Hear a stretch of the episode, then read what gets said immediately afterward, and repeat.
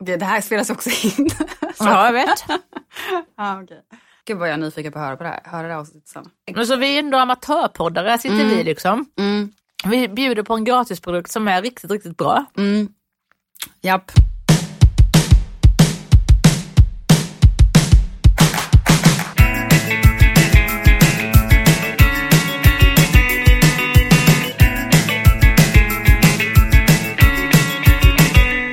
Kristin! Hej Lisa.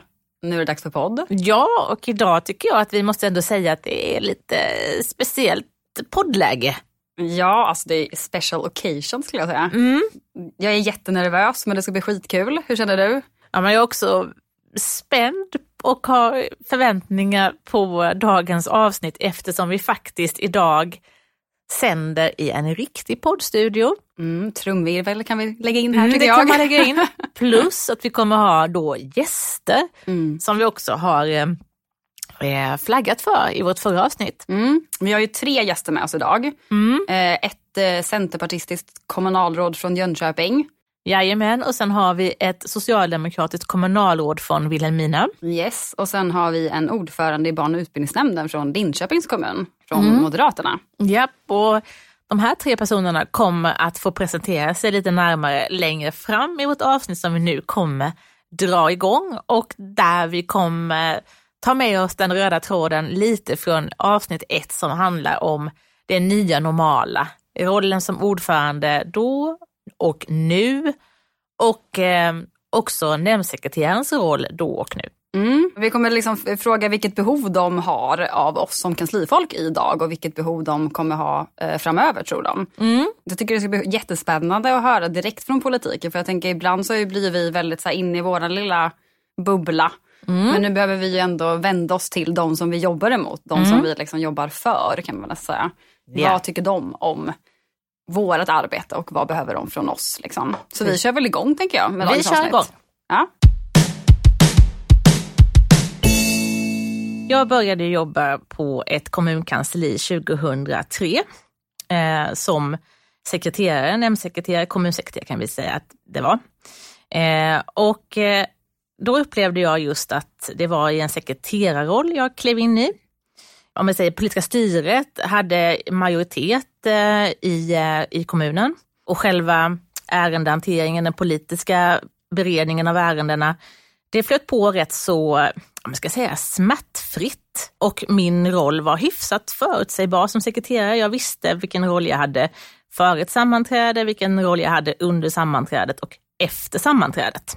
Ja, det, jag kan säga att det var väl rätt så sällan som vi hade många yrkanden i ett arbetsutskott. Det var rätt så sällan även i en styrelse och vi visste rätt bestämt innan vilket beslut det skulle bli i fullmäktige.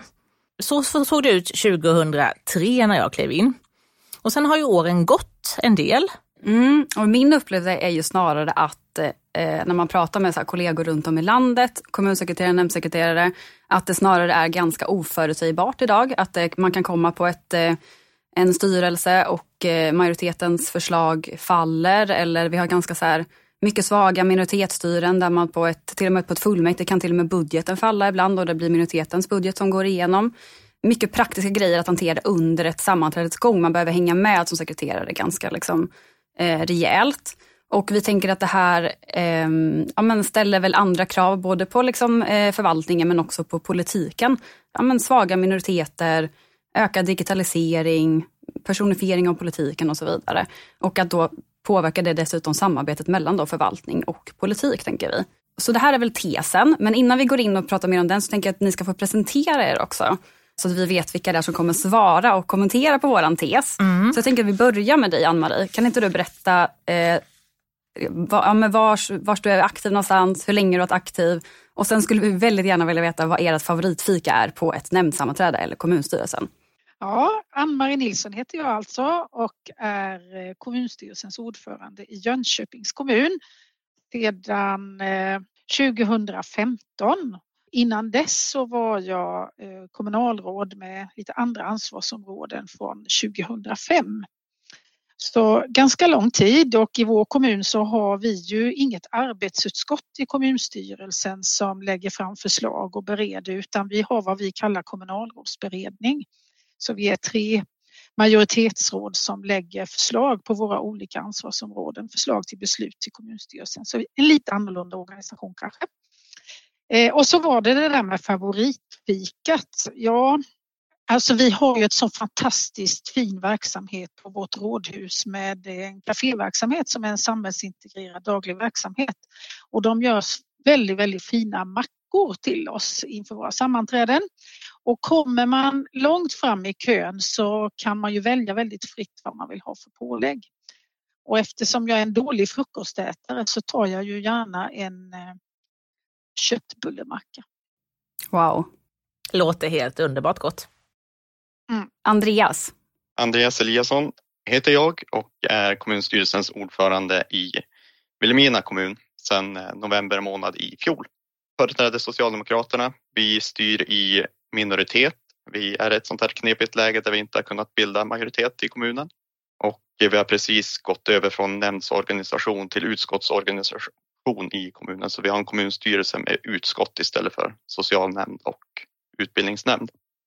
Favoritfika skulle jag nog säga biskvi som svar på. Det är också väldigt gott måste vi säga. Eh, Linnea? Linnea Jägerstedt heter jag då och är aktiv i Linköpings kommun. Eh, jag är ordförande för bildningsnämnden och också vice ordförande för kommunfullmäktige Eh, här i Linköping. Och eh, nämnden gick jag på som ordförande i januari och fullmäktige i oktober. Eh, och innan dess så har jag eh, haft två mandatperioder i bildningsnämnden som gruppledare för Moderaterna som jag företräder i den nämnden då där och också suttit i fullmäktige ett tag och lite annat. Ja, favoritfikat var det där ja. Jag får nog dra till med en hedlig dammsugare eller delicatoboll. ja, men då tänker jag att vi går vidare i samtalet. Ni har hört våran tes. Mm, precis, att det för 20 år sedan och kanske ja, men 15 och 10 år sedan så, så upplevde vi att det var mer förutsägbar roll Nämndsekreteraren och kansliet visste vad som skulle ske på ett tydligt sätt, inte särskilt mycket oklarheter. Den politiska beredningen kändes rätt så smidig. Eh, och nu då eh, andra utmaningar som Kristin beskrev med nytt politiskt klimat och andra tryck på er som förtroendevalda från alla håll och kanter. Och vi tänker ju att det här på något sätt nu blir som ett litet, ja men det här utvecklingssamtalet mellan eh, mellan kansliet och politiken på att liksom ta tempen lite på varandra. Eh, och vi tror att våra lyssnare kommer uppskatta detta väldigt mycket och få höra. Mm. Så vi börjar helt enkelt eh, med en sån här kort ja och nej-fråga nu då. Eh, håller ni med om den bild som vi beskriver som var för ett antal år sedan och hur det är idag? Om vi går laget runt och vi börjar med dig, Andreas. Ja. Mm. Då fortsätter vi med Ann-Marie. Eh, ja, det får man nog säga. Och Linnea. Ja. Mm. Gud alltså, vad skönt att det är Ja, vi funderade lite på det innan om det kanske skulle bli nej här och så, men eh, nu har vi tre ja helt enkelt. Men vi kan väl börja med att fråga dig, eh, Andreas, eh, varför du svarar ja. Vad är det du tänker om det vi har sagt? Jag tänker att ni beskriver den situation som jag själv befinner mig i är ganska väl gällande att det är komplicerat med att bilda majoritetsstyren och att ärendegången blir inte lika klar från utskott till fullmäktige alla gånger. Det blir väldigt osäkert. Mm. Eh, Ann-Marie, vill du också kommentera ditt svar? Jo, men det är klart att det är ju en annan politisk... Eh, ja, det ser ju annorlunda ut idag det här att det är svårare att bilda majoriteter. Eh, och eh, jag kan inte säga att vi har det problemet idag för vi har en majoritet. Men det krävs många partier för att få till en majoritet. Eh, men jag har ju varit med om en period som har varit väldigt stökig med eh, då vi inte haft majoritet och dessutom då majoriteten inom ett parti har fått politiska vildar. Vilket ju blir oerhört turbulent och oförutsägbart i allting. Och jag ser ju idag, även om vi har majoritet så det är enkelt på det sättet så har vi en väldigt splittrad minoritet, vilket gör att vi har många förslag ofta eh, i väldigt många ärenden. Annars skulle jag säga att vi har en rätt schysst eh, eh ja, schysst nivå inom politiken eh, oavsett vad man representerar så ganska hyggligt. Men visst, många förslag och då innebär det också att det läggs ju förslag direkt på ett sammanträde som varken jag som ordförande eller naturligtvis en kommunsekreterare känner till innan. Så, så ser det ju annorlunda ut än när jag började min politiska bana som kommunalråd måste jag säga. Mm. Linnea, vill du också kommentera ditt svar? Jag håller med också i er beskrivning för eh, vi styr nu för första gången tillsammans med Socialdemokraterna vilket gör att oppositionen då består av ganska många små partier och det är dessutom en rätt splittrad opposition. Mm. Eh, det finns liksom inget stort parti eh, som företräder och har en samlad eh, opposition utan det är ju allt från SD till eh, Vänsterpartiet och allt däremellan, vilket gör att det blir lite spretigt. Vi har dessutom ett nytt parti även i kommunen, så vi upplever väl att det finns inte den här tryggheten i kanske rutiner som, som man ofta har gjort eller arbetsordningen eller sådär. Så att det läggs, det testas lite, det läggs mycket nämndinitiativ eh, på möten och sådär. Um, och vi har inte heller majoritet i kommunfullmäktige men däremot så har vi det i nämnderna. Så att, ja, det har blivit lite rörigare. Mm. Spännande. Om det är på något sätt, vi, som vi har pratat om lite innan, eh, den här tesen som vi kanske driver då, att detta faktiskt är det nya normala läget helt enkelt. Och vad det då får för konsekvenser för tjänstepersonerna runt omkring och då specifikt på kansliet som jobbar nära er i politiken. Och jag tänker att vi, vi fortsätter där och vi håller oss kvar lite just i er relation till er närmsta sekreterare och kansliet idag. Eh, om ni skulle liksom beskriva hur den ser ut och vi ska gå lite laget runt och då tänker vi lite, ja men hur, vad har, hur ser relationen ut med kansliet under beredningsfasen? Hur ofta träffas ni, sekreteraren och, och du i rollen som ordförande? Och hur ser stödet ut? Vad är det för stöd som du får? Och ja, vilket stöd kanske saknas? Och jag bara flikar in det. Jag mm. tänker på ett generellt plan ja, också nu, så absolut. ni behöver liksom inte heller prata om, om generellt samtalet. Generellt. Jag tänker ju att eh, klarar mig inte utan kansliet, så eh, det vill jag börja med att säga. Eh, vi träffas inledningsvis inför utskottsmöten i en ärendeberedning när vi går igenom eh, ärenden och så sen sitter vi ju nära varandra i den fysiska arbetsmiljön också och har ju nära kontakt både där och mejlledes.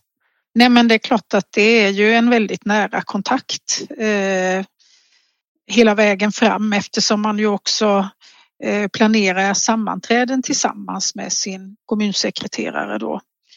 Eh, så en nära relation och eh, jag ska inte säga daglig för det är det inte, men en, en, en kontakt som man har väldigt mycket. Sen kanske inte alltid det är jag direkt som har den. Det kan ju vara någon medarbetare hos mig. Och en självklar, en nödvändig, en nödvändig relation att ha. Eh, Linnea, vad säger du?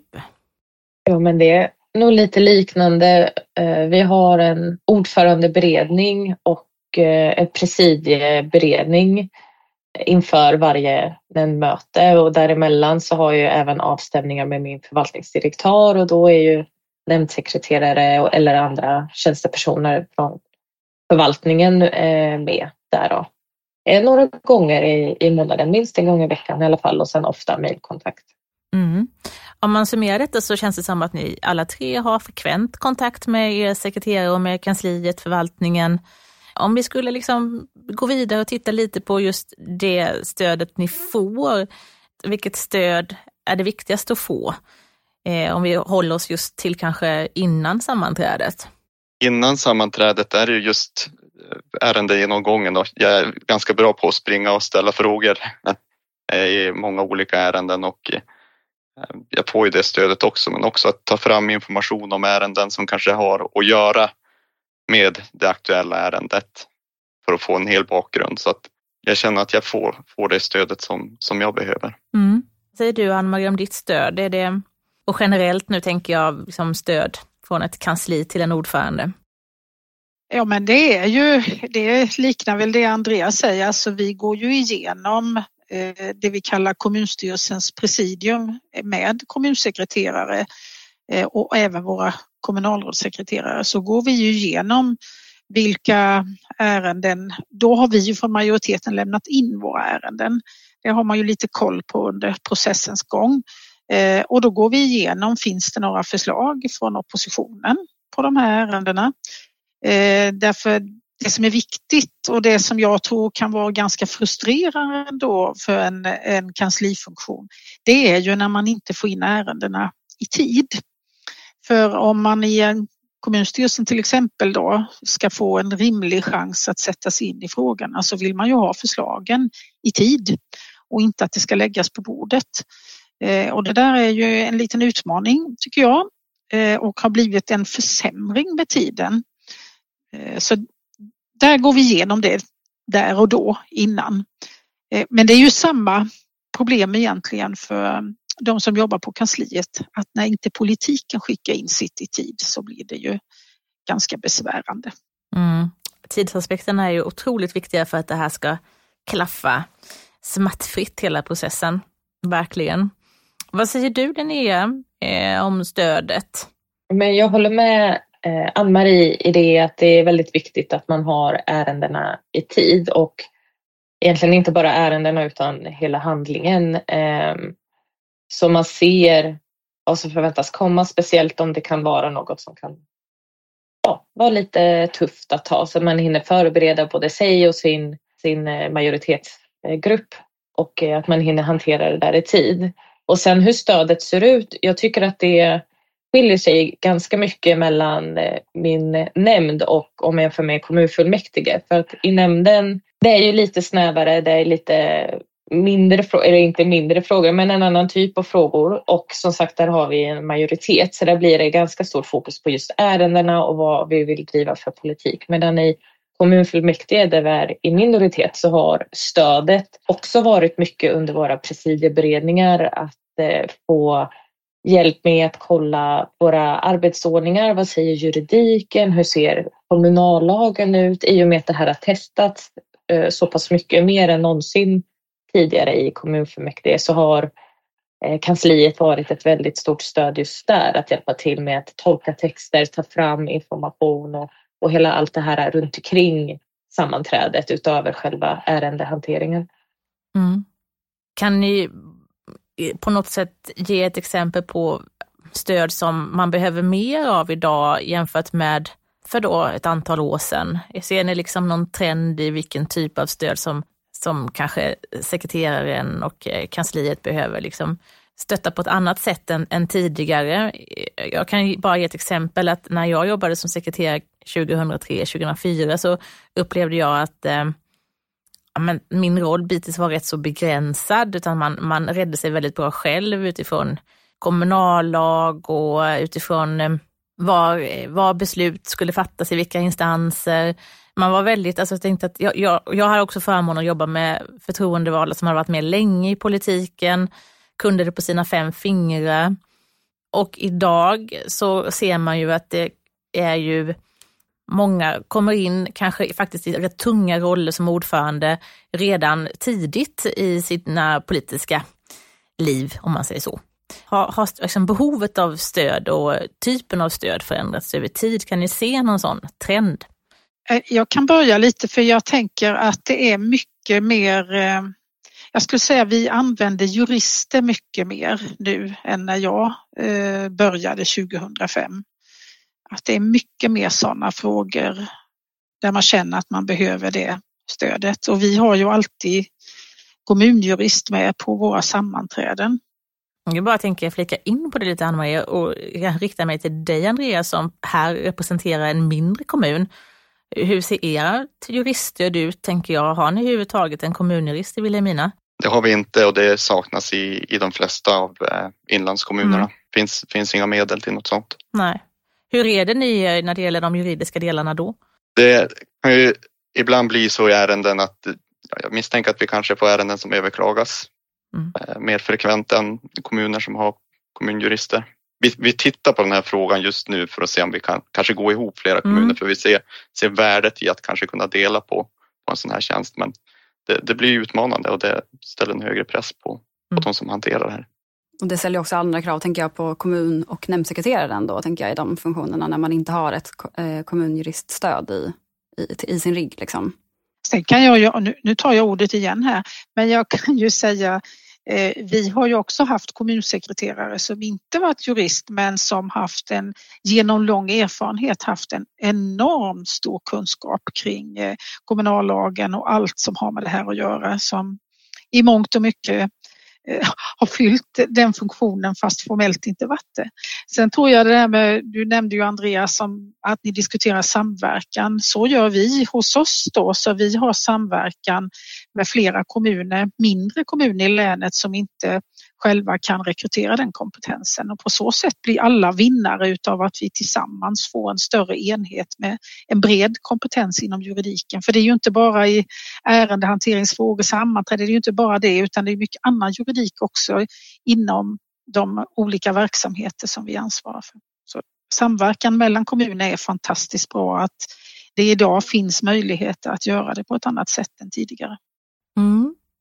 Ja, men tack för de här kloka inspelen. Eh, någonting som du skulle vilja tillägga Linnea där utifrån eh, ja, när du klev in i politiken och fram till nu, har du sett en förändring av behovet av stöd? Jo, men det är ju lite eh, som jag var inne på tidigare och eh, det är ju juridiken, precis som Ann-Marie också säger. Eh, och jag tror ju att det har mycket att göra med att, att eh, det är väldigt många olika partier och som ni var lite inne på att det är ju kanske nytt folk där i eh, vissa partier som inte har den här eh, historiken eller erfarenheten kring hur det brukar gå till. Ja, om man inte vet så så testar man och, och då testas ju även vi som eh, sitter där och, och tar emot alla yrkanden eller nämndinitiativ eller vad det kan vara. Eh, men jag tänker lite bara innan vi går vidare, du Ann-Marie som då är lite mer gammal i gamet sammanhanget här. Har du, upplever du liksom att eh, kansliet och liksom sekreterarens stöd har eh, förändrats under dina år då som kommunalråd och KSO? Som jag sa innan, jag har ju under ganska många år fått jobba nära en, en kommunsekreterare med väldigt lång erfarenhet och stor kunskap. Så.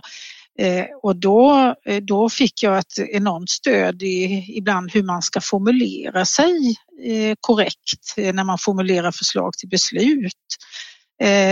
Men så är det ju så, så personer går i pension, det kommer nya. Alla kan inte ha full erfarenhet från början och det är klart att det blir ju lite annorlunda då att jag, och jag kan ju inte heller förvänta mig riktigt samma sak utan det tar ju tid, man måste ju få skaffa sig erfarenheten. Nej, jag ska inte säga att jag tycker att, att min, min kontaktrelation eller det jag, det jag hos oss då efterfrågar har förändrats egentligen så särskilt mycket. Men det beror ju också på att vi har en juridisk enhet som eh, fyller upp mycket av det som en kommunsekreterare kanske annars måste göra. Även om man Mm. inte är jurist så att säga. Mm. Eh, så jag, jag, om man skulle se det lite generellt och inte bara, eh, jag försöker tänka utanför boxen då, så kan jag tänka mig då att eh, det, fi, det finns ju kanske större förväntningar och ett större behov idag eh, för, för vad, den kommun, vad, vad man vill ha ut av en kommunsekreterare om jag får uttrycka mig lite slarvigt då. Eh, för då är det ju det, då är det ju där kunskapen och det stödet måste finnas på den funktionen. Men nu har vi pratat lite om hur ni har det och har haft det. Så det som vi gärna vill gå in på lite nu är hur ni kanske också skulle vilja ha det. Vilket stöd vill ni ha från oss som kanslifolk och som, som kommun och nämndsekreterare? Men vi var inne på det nu, den här kommunalrättsliga biten som jag antar ändå är liksom central såklart i rollen. Men det finns ju så många andra bitar som mötesformalia, nämndsekreteraren, kommunsekreteraren fungerar ofta i många sammanhang som någon form av gatekeeper mellan förvaltningen och politiken. Man kvalitetssäkrar underlag, man kan svara på förtroendevalda frågor. Man är ett stöd till handläggarna i processen, ser till så att beslutsformuleringarna blir bra. Det finns också ibland man kan behöva parera olika politiska avväganden och så vidare. Så eh, om ni ska liksom se ett drömscenario framför er, vad, vilket, eh, hur ser stödet ut från ert kansli? Jag tänker att vi börjar med eh, eh, Linnea. Ja, det är en klurig fråga. Dels för att jag inte har haft en ordförande på sådär jättelänge så man har kanske inte så mycket att jämföra med. Men eh, jag tycker ju att mitt kansli funkar oerhört bra redan. så jag vet inte, Eh, alltså vi jobbar väldigt mycket i ett team känns det som. Det är ju, det är ju såklart min nämndsekreterare eller kommunsekreteraren om man tänker i fullmäktige tillsammans med sakkunniga eller förvaltningsdirektör eh, som gemensamt svarar upp. Och jag tycker att det finns en stor trygghet. Jag tycker att nämndsekreteraren verkligen har koll på vad som kommer framåt, eh, att jag har ärendena i tid, att jag har en eh, dagordning i tid, allting det där. Ehm, och att de även har en god kontakt med nämndens övriga ledamöter. Så det är just det här eh, teamkänslan och att man känner en, en trygghet i arbetet eh, liksom gemensamt och att allting inte ska hänga på en person för att då blir det väldigt sårbart. Mm. Andreas, vill du säga någonting om drömscenariot? Drömscenariot? Nej men jag, jag håller med i det som Linnea säger. Och den här teamkänslan, att äh, den är superviktig. Det, något, som, något som sker redan idag och något som jag gärna ser framöver också är delaktigheten i att utveckla och förbättra eh, olika saker. Till exempel hur man formulerar och skapar tydlig protokollstext. Ska protokollen se ut på det här viset eller ska vi förändra? Och, och komma med sådana inspel. Det tycker jag är viktigt att det, det sker kontinuerligt så att säga. Det sker idag också. Men... Kan du ge något exempel på liksom, en situation där du tycker att det är hanteringsprocessen idag har fungerat väldigt bra? någonting som det här är verkligen viktigt för mig och det vill jag också se framöver. Nej, men jag tycker att det, det fungerar väldigt bra. Det som jag tänker fungera är bra, om man tar något konkret, är just den ja, men, konsekventa kontakten man har om det dyker upp frågor. Att det förs dialog, att man, man kan ha den kontakten genom, genom ett helt ärende från, från ärendeberedning och ända fram till fullmäktige. Mm. Ann-Marie? Ja, men det jag ser att det skulle kunna bli bättre. Nu är ju vi en ganska stor organisation eh, och eh, varje nämnd har ju sina medarbetare som hanterar ärenden och skriver protokoll och jag kan se att vi skulle behöva utveckla eh, till exempel om vi tar protokoll, hur man uttrycker, hur man upprättar det för en större likvärdighet i hela verksamheten, i alla förvaltningar. Eh, för det varierar lite faktiskt och eh, kanske, ja, kan bli bättre skulle jag säga. Och där skulle vi ju kunna jobba mer också för att eh, just att, att få det likvärdigt överallt. Inte, inte för mycket egen, egen verkstad på olika förvaltningar utan att vi styrde upp det lite bättre. Vad man kan förvänta sig och hur vi ska hantera det och hur vi uttrycker saker. Mm. Är det någonting annat som du upplever att ni skulle kunna något annat stöd som är väldigt viktigt för dig? Du var inne på det kommunalrättsliga tidigare, nu var du inne på att man också behöver vara lite mer stringent och likriktad liksom i, i organisationen, hur man skriver och så vidare. Är det något annat som är viktigt liksom för dig som ordförande? Ja, men det är väl att ha den här, att, att kansliet är tillgängligt. Bara det är ju en jätteviktig fråga för en, en fråga kan ju landa i mitt knä väldigt hastigt, snabbt och det kan vara bråttom och då vill man ju kunna snabbt nå Eh, någon på kansliet för att få stöd i att ta reda på frågor som det kan vara. Eh, och ibland kan man behöva gå tillbaks långt i tiden för att hitta de uppgifter man kanske behöver. Eller ja, det kan ju röra andra saker med, men just den där tillgängligheten att, att vara på plats och vara tillgänglig och mm. kunna stötta upp när det behövs. Det är också jätteviktigt. Mm. Du var också lite inne på, jag gissar att ni då har någon form av decentraliserad eh, nämndadministration. Alltså ni har nämndsekreterare ute på olika förvaltningar, stämmer det? Mm, mm. Hur ser det, stämmer. Hur ser det ut hos er andra? Har ni en centraliserad liksom, nämndadministration eller har ni en decentraliserad? Andreas? Det är en så pass liten kommun så att det är centraliserad. Mm. Och hur är det hos er Linnea? Decentraliserad. Vi är en eh, nämndsekreterare för varje nämnd i stort sett. Spännande. Mm. Och jag tycker att eh, det som var väldigt spännande som ni sa eh, som en framgångsfaktor som vi ändå kan utkristallisera är ju det här med teamkänsla, att skapa en teamkänsla med, eh, med kansliet och med nämndsekreterare och andra tjänstepersoner som jobbar nära er i den politiska ärendehanteringen. Och det får oss osökt att tänka lite på det här med kommunikation. Vi tror ju att det är väldigt viktigt för att det här ska funka bra. Hur, eh, hur får man till den här teamkänslan och hur kommunicerar ni med varandra för att, eh, för att ha en, eh, en, ett, ett flytande, ett arbete som flyter på utan så mycket friktion som möjligt? Där? Kommunikation utan friktion. Mm. Vi, nej men jag skulle väl säga en, en del av det är att vi tidigt har bokat in ganska mycket Eh, avstämningar så att vi har det ganska löpande så att det, det finns inte så mycket utrymme för att, att frågor ska hamna i stå eller att man inte får tag på varandra. För att jag har mycket att göra, de har mycket att göra eh, och speciellt när det ska vara flera personer inblandade eh, i de här mötena eller avstämningarna. Och då är det ganska skönt att man har en avsatt tid en gång i veckan eller varannan vecka eller vad det är där man bara kan stämma av. Och mm. eh, ibland är det ju som jag tror jag nämnt med eh, förvaltningsdirektör, ibland är det med verksamhetsansvarig, ibland är det bara med kommunsekreterare och ibland är det med eh, grannnämnden så att säga när vi har gemensamma frågor och sådär. Så, så det, det tror jag är en ganska viktig nyckel, att bara se till att kunna ha varandra tillgängliga ofta eller att man sätter av tid för det. Eh, en annan grej är såklart tillit, att man om jag har uppdraget till något eller bett om någonting att, att man märker att det tas om hand om av, av kansliet och det går ju såklart åt båda hållen att om de förväntar sig att jag ska göra någonting eh, så att det inte är så att man behöver ständigt påminna. Men det tycker jag för min del att det funkar bra, bra hos oss då. Men eh, jag tror att de, de två grejerna är ganska viktiga. Mm. Ja, intressant. Eh, vad säger du Ann-Marie, hur får man till eh, den här teamkänslan, vad är liksom receptet på det för att få till en väldigt god dialog och kommunikation? Ja, egentligen är det väl inte annorlunda i det fallet eller i några andra sammanhang där man behöver skapa goda relationer. Linnea pratade också om tillit till varandra. Det tror jag är jätteviktigt. Eh, förståelse för eh, politik kontra förvaltning i det där gränslandet som finns däremellan. Det är också viktigt att man att man har en öppen och rak kommunikation. Så. Och sen är det ju som i allt, vi är ju människor och vi, eh, ibland passar vi olika bra ihop, så är det.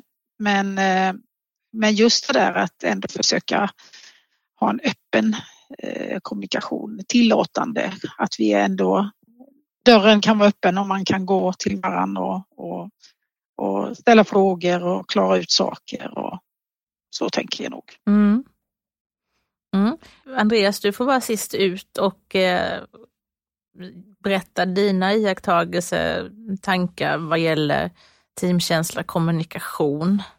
Ja, jag håller ju med om mina kollegor i det här, eh, i, i, allt de säger. Jag har väl egentligen inte så mycket att, att tillägga mer än att jag tycker att det är bra med den här mixen av att både man har de här formella träffarna men att man också kan ha öppen diskussion, eh, tillitsbaserade diskussioner också utöver de formella mötena mm. Eh, för att kunna, ja men det, det är relationsskapande.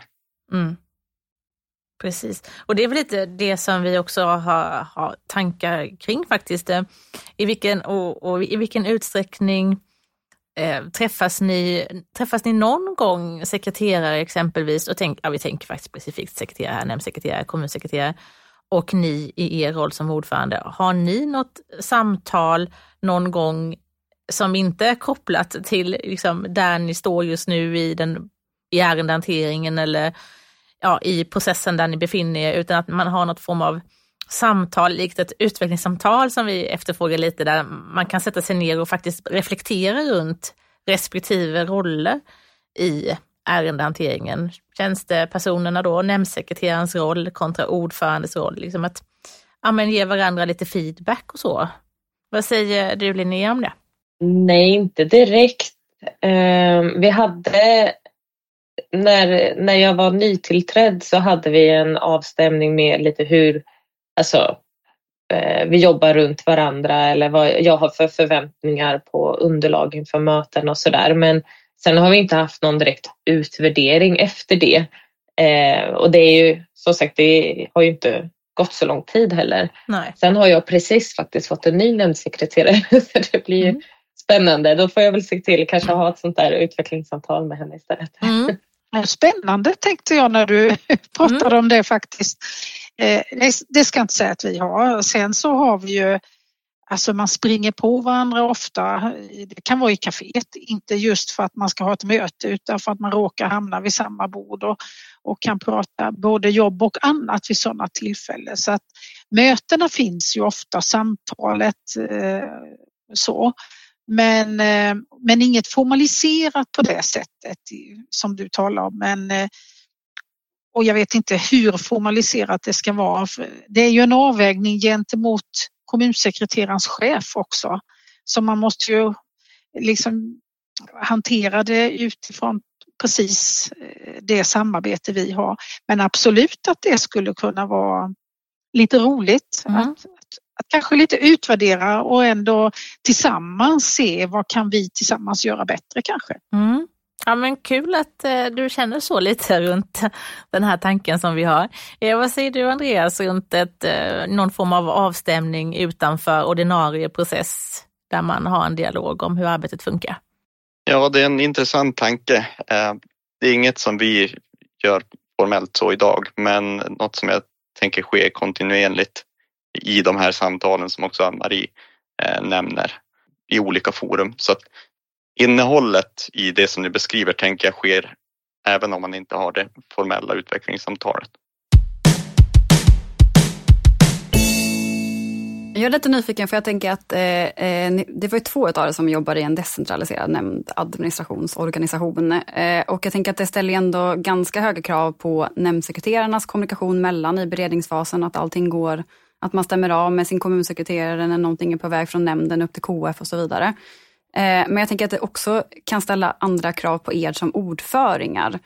Eh, som en följd av att det kanske är längre mellan nämnderna och KS och fullmäktige. Hur ser kommunikationen ut mellan er ordföringar i nämnder och KS i era organisationer idag? Det beror lite på vad det är för frågor. Vissa frågor kanske inte kanske ganska enkla frågor där man vet att här, det är inte så mycket politik i allting eller här finns inga skillnader. Men eh, eh, i specifika frågor ibland så kan det vara oerhört viktigt att man har en dialog eh, med en nämndsordförande för att man vill ju i politiken att det ska liksom landa rätt på något sätt. Då. Eh, och det, det, hos oss är det heller inte formaliserat på det sättet att här har vi en ordförandeträff där vi stämmer av. Utan det är väl mer att man som ordförande i nämnden förväntas väl kanske då ha insikt om att det här är, här är någonting som är på väg till, fram till nämnden. Det här måste vi nog prata om med kommunalråden som sen ska bereda det till slut då. Och det tror jag sker ganska bra också skulle jag säga. Sen har vi ju också, eh, eh, det, det är ju inte bara med nämndsordförande för sen är det ju frågan om att att få ihop en hel konstellation med flera partier också så att det är ju här måste dialogen och, och, kommunikationen gå fram och tillbaka och mellan flera led och olika partiföreträdare.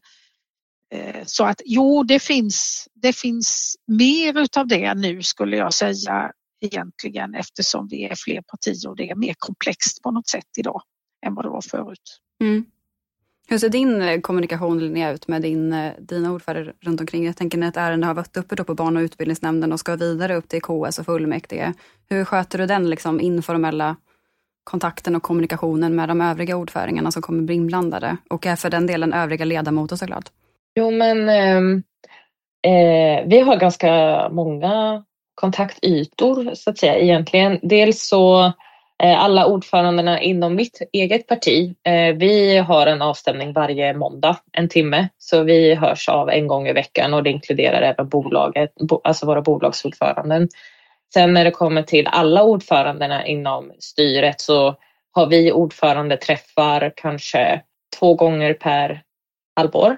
Och eh, utöver det så har vi mera sektorsvisa avstämningar. Alltså jag i bildningsnämnden tillsammans med barn och ungdomsnämnden och eh, KSO eh, och vice KSO. Eh, vi kan ses och sen har vi ju ett kommunalråd som har sektorsansvar, skola och kultur och även där finns det avstämningar.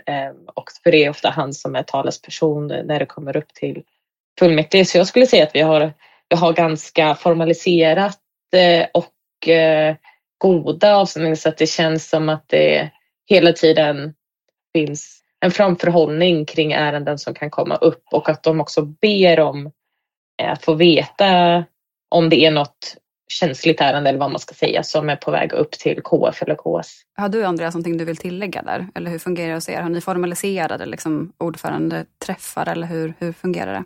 Vi har också ordförande träffar på måndagar varje måndag. Jag och eh, Eh, de som är ordföringar i utskotten och miljö och bygg. Sen så har vi också mer formella ordförandedagar när också eh, de som är ordförande i de kommunala bolagen är inbjudna som heldagar och det är ungefär tre gånger per termin ska man kunna säga. Så att eh, vi, vi träffas varje vecka.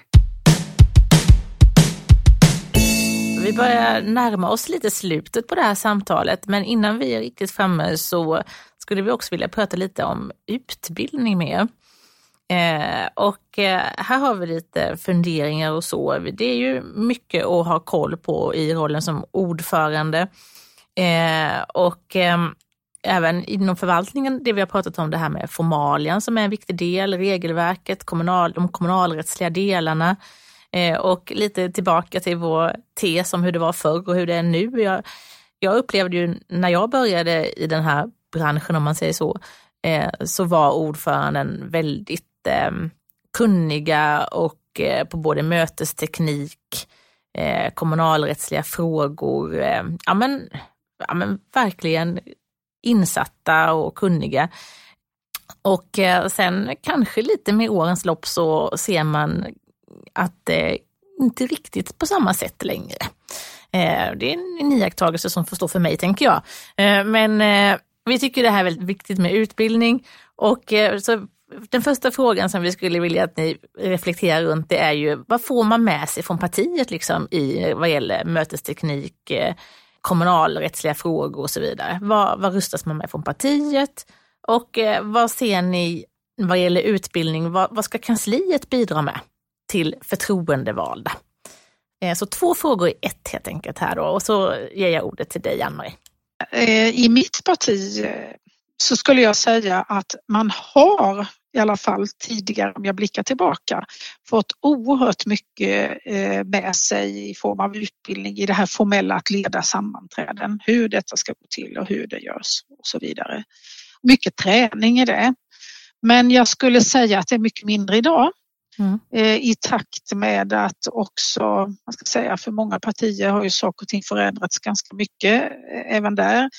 Eh, partier idag har ju generellt inte lika många medlemmar. Man har inte en lika stor utbildad kader utan människor ganska välutbildade inom, inom allt det här eh, som man kan sätta på olika uppdrag utan det ser ju jag nu med när vi rekryterar efter val att det kommer in personer, jätte, de kan vara jättekompetenta, ambitiösa men har inte alls eh, någon kunskap i, i den typen av, eller fått med sig det på samma sätt som man hade förr.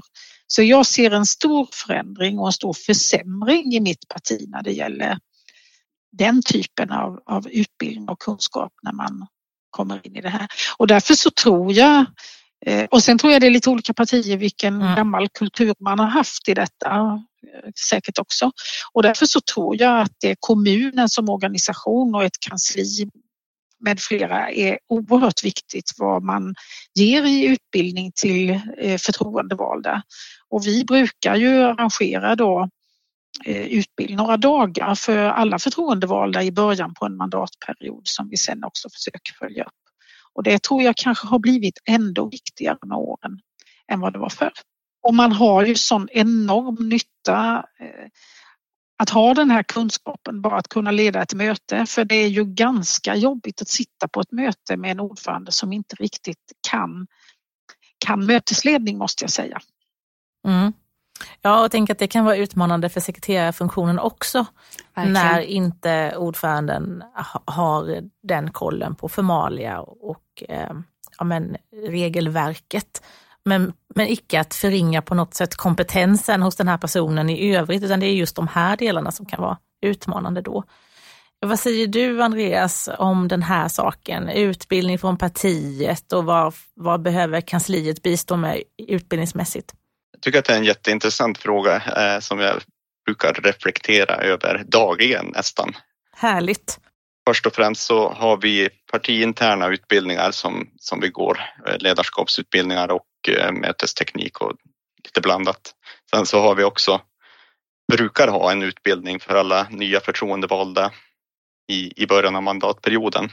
Mm, som kansliet Men, håller i eller som, eh, eh, som... Nej, då är det extern ja. föreläsare som ja. brukar komma. Ja, precis. Ja, men den här utmaningen med att bilda våra nya grundar sig också i att vi har en förändrad föreningskultur i, i grund och botten. Det är färre och färre unga och ja, även äldre som, som deltar aktivt i, i föreningslivet där, där man får ta del av mycket gällande mötesteknik och hur, vad gör du som ordförande, vad gör du som sekreterare och så vidare. Så att man kanske kliver in direkt i ett parti och, och sen kanske man kliver direkt in i ett förtroendeuppdrag utan att ha det i, i botten och det ser jag som delvis problematiskt. Mm. Linnea, ska du eh, avslutningsvis få ge dina tankar kring detta med utbildning? Ja, vi har interna utbildningar i partiet, både nationella och eh, lokala som, som eh, förbundet eller ja, regionen anordnar eh, i till exempel sammanträdesteknik i början av mandatperioden. Så där, där skulle jag väl säga att, att eh, från vårt parti är det ja, men ganska välutbildat. Men jag tycker att det finns en ganska stor skillnad mellan olika partier beroende på liksom hur styret ser ut och vem som har råkat sitta som ordförande. Och det, det är ju lite synd att, att eh, kvaliteten eller vad man ska säga eller hur man är förberedd kan variera. Vi har också utbildningar för ledamöter, till exempel nya KF-ledamöter och nämndledamöter och sådär i början av mandatperioden och då är det kansliet som håller i dem som informerar om hur sammanträden går till generellt. Men det är ju inte så mycket hur man leder ett sammanträde utan snarare vad man kan förvänta sig under ett sammanträde. Men jag tror att Andreas var inne på en viktig poäng där också just med föreningslivet. Vi ser att flera föreningar har behövt lägga ner på grund av bristande medlemsunderlag och eh, jag själv har ju gått föreningsvägen och jag känner mig ganska trygg i mötesformalia just tack vare det. Och vi som är en stor universitetsstad har ju ändå fortfarande ett ganska stort ungdomsförbund och studentförening och man ser ju att de som har gått den vägen, eh, upp, kommit in genom det, de är väldigt trygga i just eh, mötesformalia och de älskar kontrapropositionsvoteringar. Så det, allt sånt där. Så att, eh, men om man kommer in lite senare i livet, eh, kanske direkt in i partiet, ja, men då ser man att, att det kanske är lite svårare och då behöver vi eh, mm. trycka upp där. Men man borde kanske se över att ha någon mer, ja, så att det blir mer likvärdigt. Men det är alltid skönt, för att svara på den andra frågan, mm. så är det alltid skönt att ha en sekreterare som också har i alla fall grundläggande koll så att om man själv blir osäker att man bara kan bolla lite snabbt. Eh, men jag tycker att ordförande bör ändå ha den största kollen men så man kan alltid bli osäker, det kan ju alltid dyka upp. Vi eh, brinner ju väldigt starkt för det här med mötesformalia jag och Lisa, så det här är ett trevligt samtal att ha tycker jag. Att vi ändå verkligen brinner för frågorna. Men frågan är ju lite som den är inne på är ju ändå att det är att det kanske liksom eh, svajar lite med den kompetensen generellt. Liksom. Är det kanske där vi borde lägga krut på eh, det kanske, inte, eh, det kanske inte är det här liksom sakpolitiska vi borde lägga krut på i ny mandatperiodsutbildningar. Det kanske snarare är liksom mötesformalian, kommunalrättsliga bitarna, liksom ramarna liksom för arbetet snarare än, än innehållet. Eller? Den utbildning som, som vi erbjuder nya förtroendevalda i kommunen det är just eh, eh, det kommunrättsliga, kommunallagen, vad som styr. Eh, så det är mycket, det är ju utav det, det är ju liksom inte alls det politiska innehållet utan snarare det. Men just själva mötestekniken, att leda möten, det, det gör vi ju inte den vägen utan det får ju partierna klara själva. Och där behövs verkligen mer skulle jag säga. Och det skulle man ju också kunna lägga in i den här typen för de som är nya på sina ordförandeuppdrag till exempel i en början på en, på en mandatperiod. Mm. För att säkerställa att alla ändå får möjligheten. Och sen tror jag det här, det här är väl också någonting som ställer mer krav på den som jobbar som kommunsekreterare idag.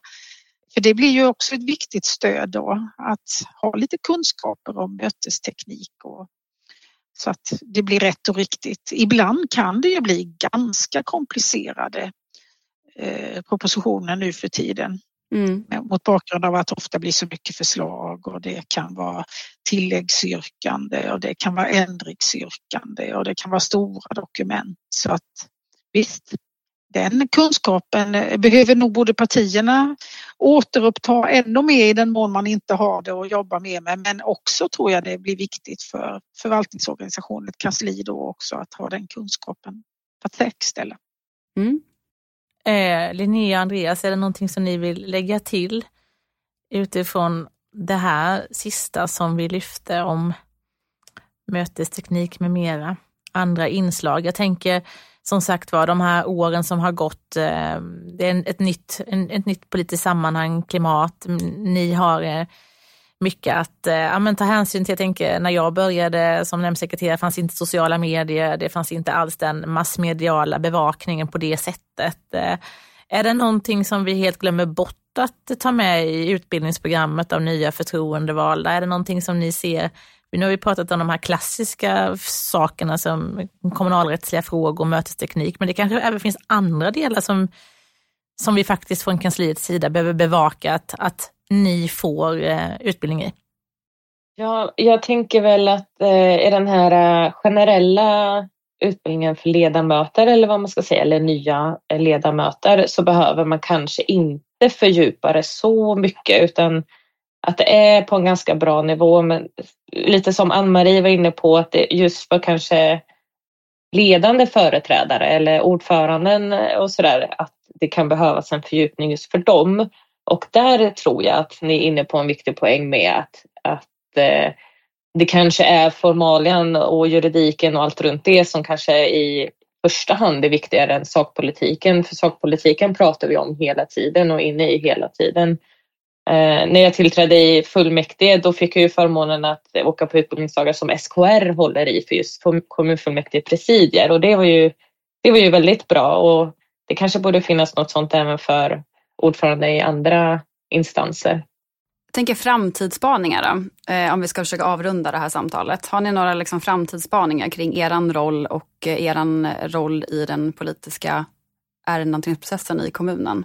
Är det någonting som liksom väntar liksom, väntar framöver som ni ser kommer bli extra utmanande i er roll och som också kan påverka, tänker jag, eran, ert samarbete med kansliet på ett eller annat sätt. Eh, har du någonting, Ann-Marie, som du tror kommer bli extra utmanande framöver?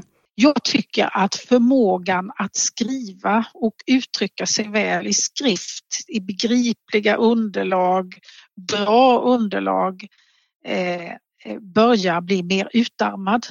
Under de år jag har jobbat, och det här handlar ju om, om liksom många medarbetare som handlägger ärenden ute i förvaltningar som så småningom kommer vidare så ser jag vilken förändring som har skett.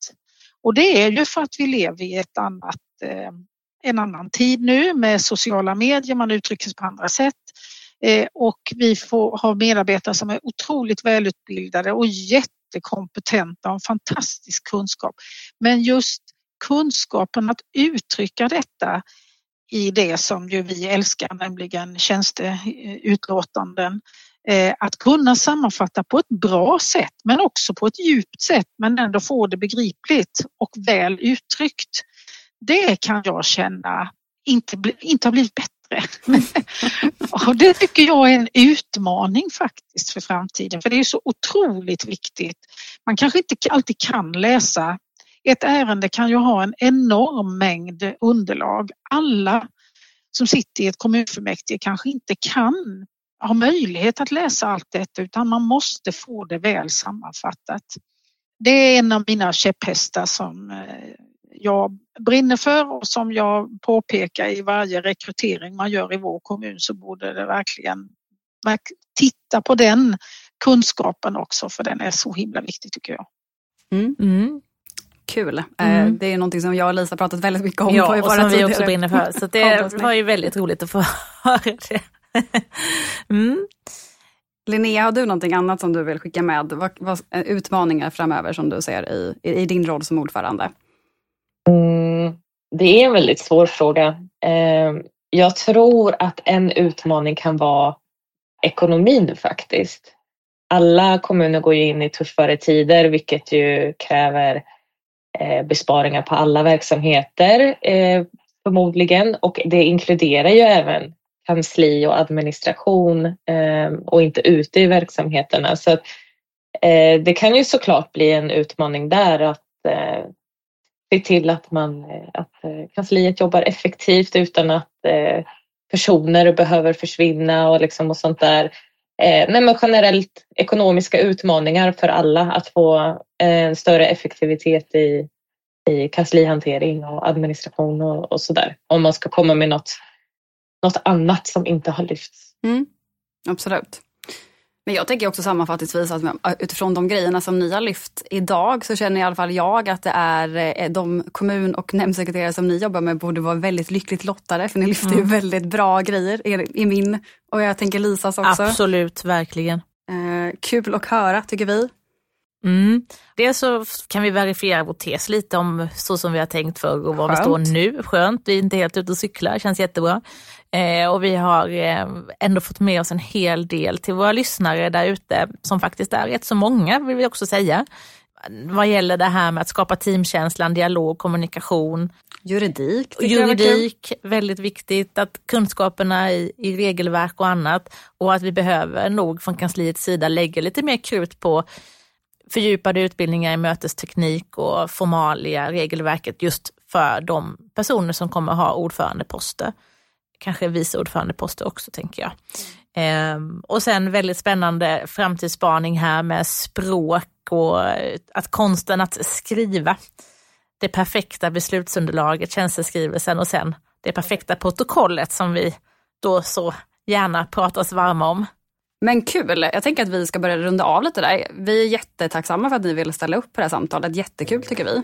Jag hoppas att ni också tyckte att det var trevligt denna söndag eftermiddag att hänga med oss. Så tusen tack Jättekul hörni. att få vara med. Ja, supertack. Tack så mycket. Tack ska ni ha. Hej hej. Hej då.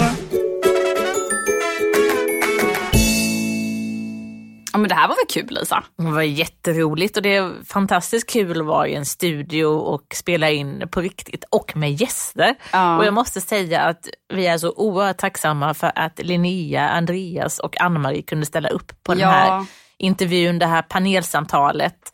Eh, vi tycker det är otroligt värdefullt att just lyssna in vad våra förtroendevalda, hur de upplever oss som kanslifolk och det stöd vi ger. Mm. Sammanfattningsvis så känns det ändå som att de, mycket av svaren vi fick ändå ligger i linje med vad vi har varit ute och famlat efter både säsong ett och nu i inledningen på säsong två. Så, och de tog upp mycket av de grejerna som vi också pratade om säsong ett. Så jag tänker att vi också på något sätt stärks lite i våran, eh, Ja. eh, ja, men våran linje liksom, i den här podden. Det känns också kul tycker jag. Mycket. Och sen tycker jag ändå vi får med oss lite nytt att eh, jobba vidare med. Jag tycker det här med mötesformalia och kansliets roll i den som kanske inte egentligen är så utbredd idag. Och det som Ann-Marie lyfte här på slutet med det skrivna språket i våra tjänsteskrivelser Mm. och protokoll. Mm. Det är ju jättespännande. Mm. Så att eh, Och vi det kommer vi jobba vidare med.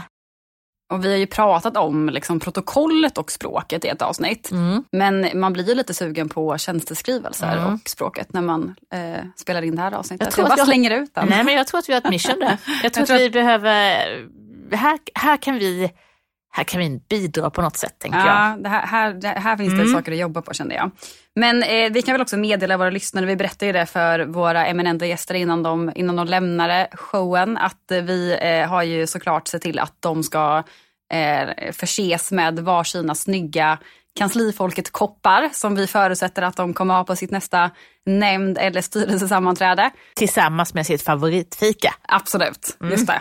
Jag hoppas verkligen att de är bjudna på nu på kommunkonslien runt om i landet. Det kan ju vara så att det finns lite extra koppar med i en beställning och att vi på något sätt kommer marknadsföra dem lite för våra lyssnare och det kanske är så att någon av er där ute kommer bli en rättmätig ägare till en sådan. Belönad. Mm. Det var kul sammanfattningsvis och vi hörs snart igen. Det gör vi. Ha det gott! Hej!